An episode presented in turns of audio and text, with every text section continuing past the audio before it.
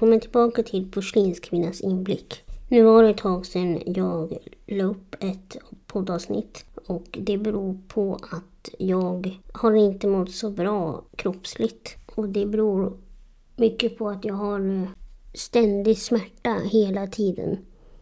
Och det gångna året, det var verkligen inte mitt år. Så att jag tänkte att idag skulle jag göra en liten recap av hur mitt år 2023 var. Så som sagt, många av er som kanske följer mig på sociala medier eller har lyssnat på mina tidigare avsnitt har ju hört vad som bland annat hände förra året. Jag var ju dels med om en stor och jobbig olycka när jag var på Gran Canaria i mars.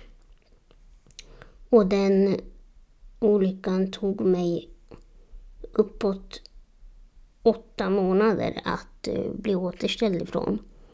Och det har aldrig någonsin i hela mitt 33-åriga liv tagit så lång tid att bli återställd någon gång. Det var nog den jobbigaste tiden jag har varit med om i hela mitt liv. Om jag tänker då såklart eh, frakturmässigt. Alla har vi varit med om olika saker här i livet som är jobbiga. Men så är ju också som så att jag vet ju att mina frakturer de är ju liksom inte kvarstående livet ut utan de kommer ju gå över så småningom. Och det gäller att man biter ihop och ser framåt och tar sig igenom det tuffa man gör. I oktober förra året då var jag med om ännu en eh, udda och ovanlig sak. Det var en kväll när jag satt och eh, tittade på TV och så fick jag plötsligt något konstigt anfall som jag aldrig haft förut. Och sen svimmade jag av efter det.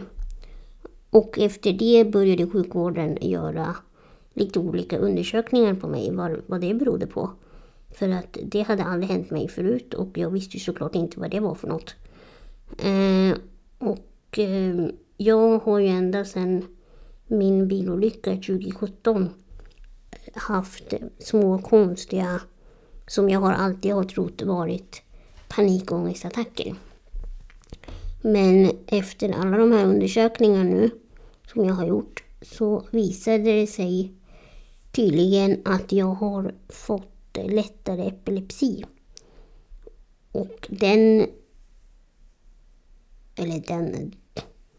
Och det kom...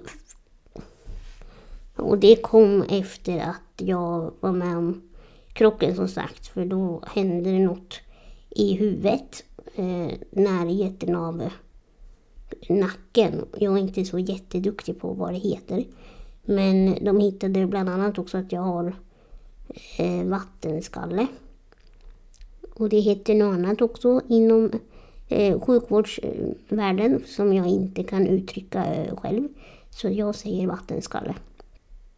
Nu efter jul så gick jag in i min journal på nätet och kollade om resultatet hade kommit eh, kring alla undersökningar som jag har gjort. För att jag har själv inte hört någonting från dem. Så att, eh, då läste jag ju där vad, det, vad de hade hittat för något på mig.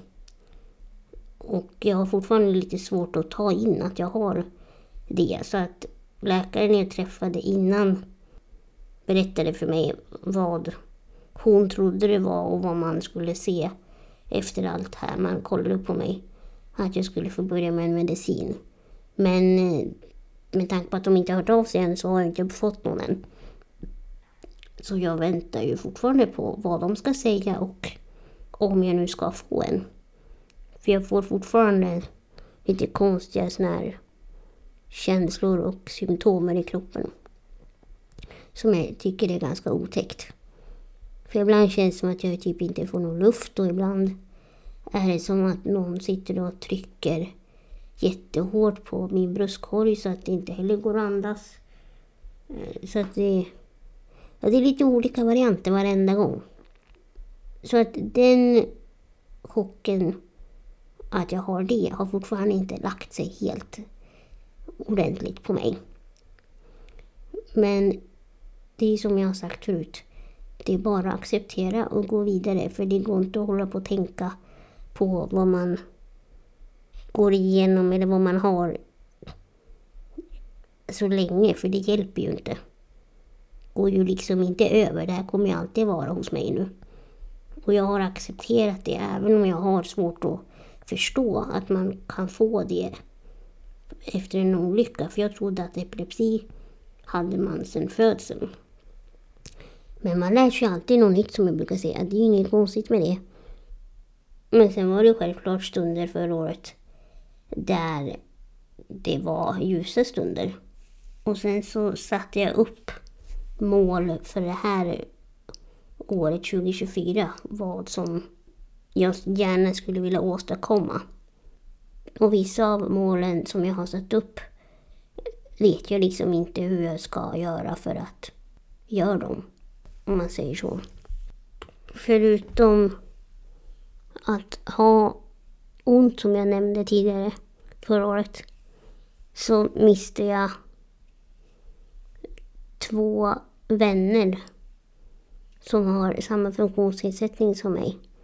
Vilket gjorde mig väldigt ledsen. Och den ena personen gick bort tidigare på året.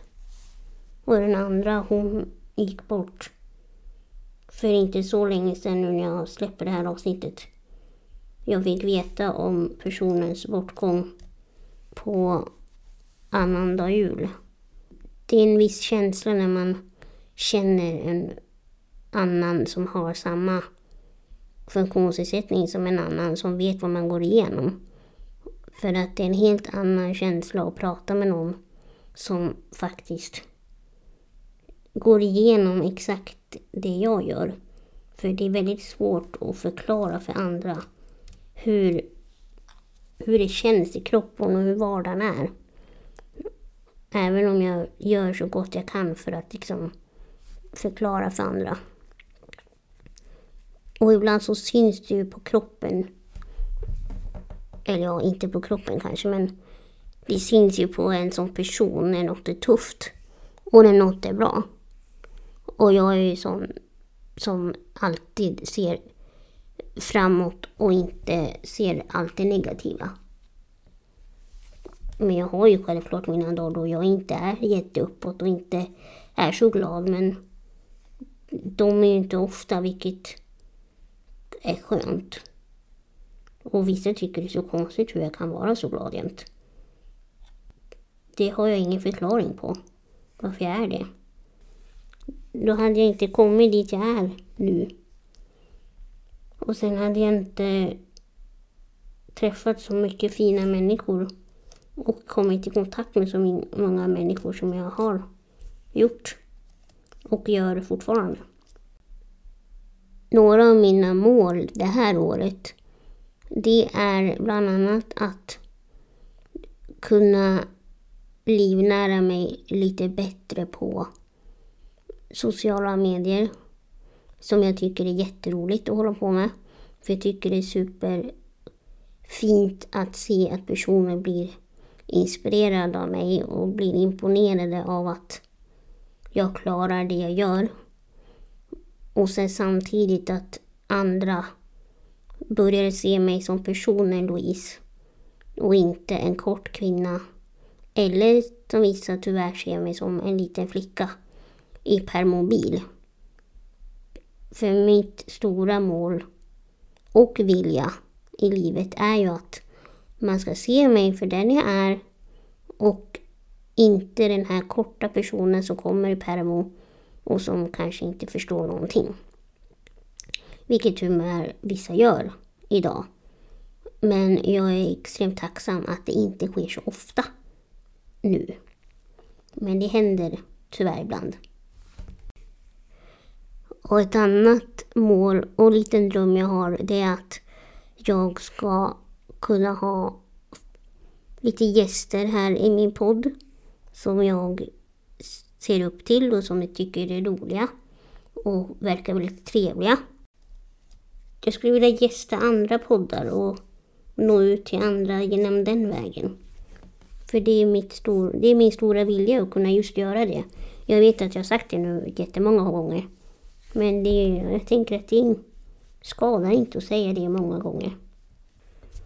i sin helhet så vill jag ju som sagt inspirera andra, hjälpa andra och få bättre självförtroende. Och när de ser hur jag tar mig igenom mitt liv trots mina svårigheter och hinder så ska det, den andra också kunna göra det. För jag vet personer som lyssnar på mig idag och som följer mig på sociala medier att de mår bättre och har fått en annan syn på livet efter att de eh, ja, hittade mig på sociala kanaler och sådär. Det tycker jag ger mycket tillbaka till mig och får en styrka att fortsätta. Den här lilla recapen var väl inte sådär jättelång som jag gav er nu, men jag känner att det behövs liksom inte vara så långa avsnitt när man vill återberätta lite saker och hur, hur livet är. Och även om jag har andra lite mål och drömmar här så vill jag hålla lite hemligt också. För det gör det lite mer spännande för alla, tänker jag. Så att jag vill tacka dig för att du har lyssnat idag. Och så får du ha en fortsatt trevlig dag. Så hörs vi igen nästa gång. Och kom ihåg, ingenting är omöjligt här i livet. Skapa dina drömmar och dina målsättningar utan att tänka att ingenting går för att allting går på sitt eget sätt. Det gäller att hitta sin egen väg. Så får du ha det så bra så hörs vi nästa gång. Hej svejs!